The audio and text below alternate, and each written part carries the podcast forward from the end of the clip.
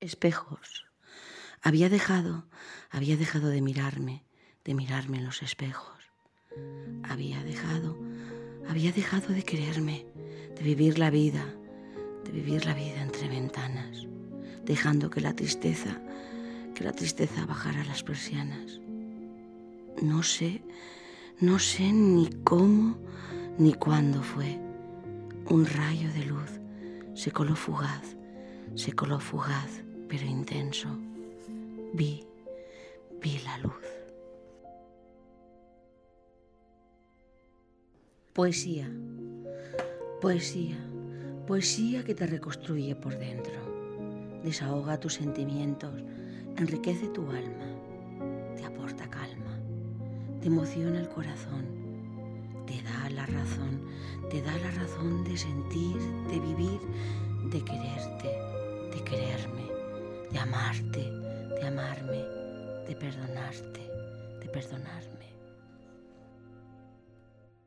Quiero, quiero un amor sincero, que se muestre sin disfraces, que conecte con mi alma sensible y verdadera. Un amor, un amor transparente, con el alma al desnudo, sin postureo. Un amor, un amor que entienda mi camino, mi destino, sin posesión, sin lastres, sin anclajes. Un amor con libertad con la verdad del corazón. Un amor, un amor que detecte mis espacios, al igual que yo los suyos. Quiero, quiero un amor verdadero y puro. Te quiero libre, libre, te quiero libre, libre de prejuicios, de complejos, de ataduras, de culpas.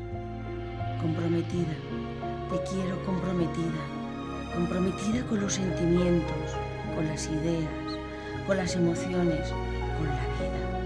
Te quiero, te quiero feliz. El mar. El sol, el mar, te pueden cambiar la cara, te pueden dibujar una sonrisa, dejar en tus ojos un brillo especial, llenar de calma tu alma de remover eh, tus entrañas para poder ordenarlas. Dejarte abstraer por los cielos azules. Dejarte besar por un leve viento de levante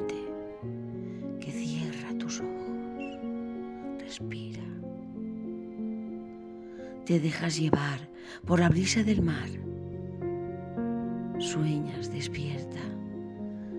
Respiras mejor. Amor tóxico. Me dejé convencer por mi necesidad de amar. Me hiciste creer que era tu posesión. Me privaste de ser yo. Mi realidad se volvió latente. Seguí soñando despierta. Seguí soñando despierta esperando un nuevo amanecer que nunca llegaba. Resigné mis días. Resigné mis días a tu forma de ver la vida no fui feliz, no fui feliz. Me pudo más el ansia de amarte que la cordura de saberte.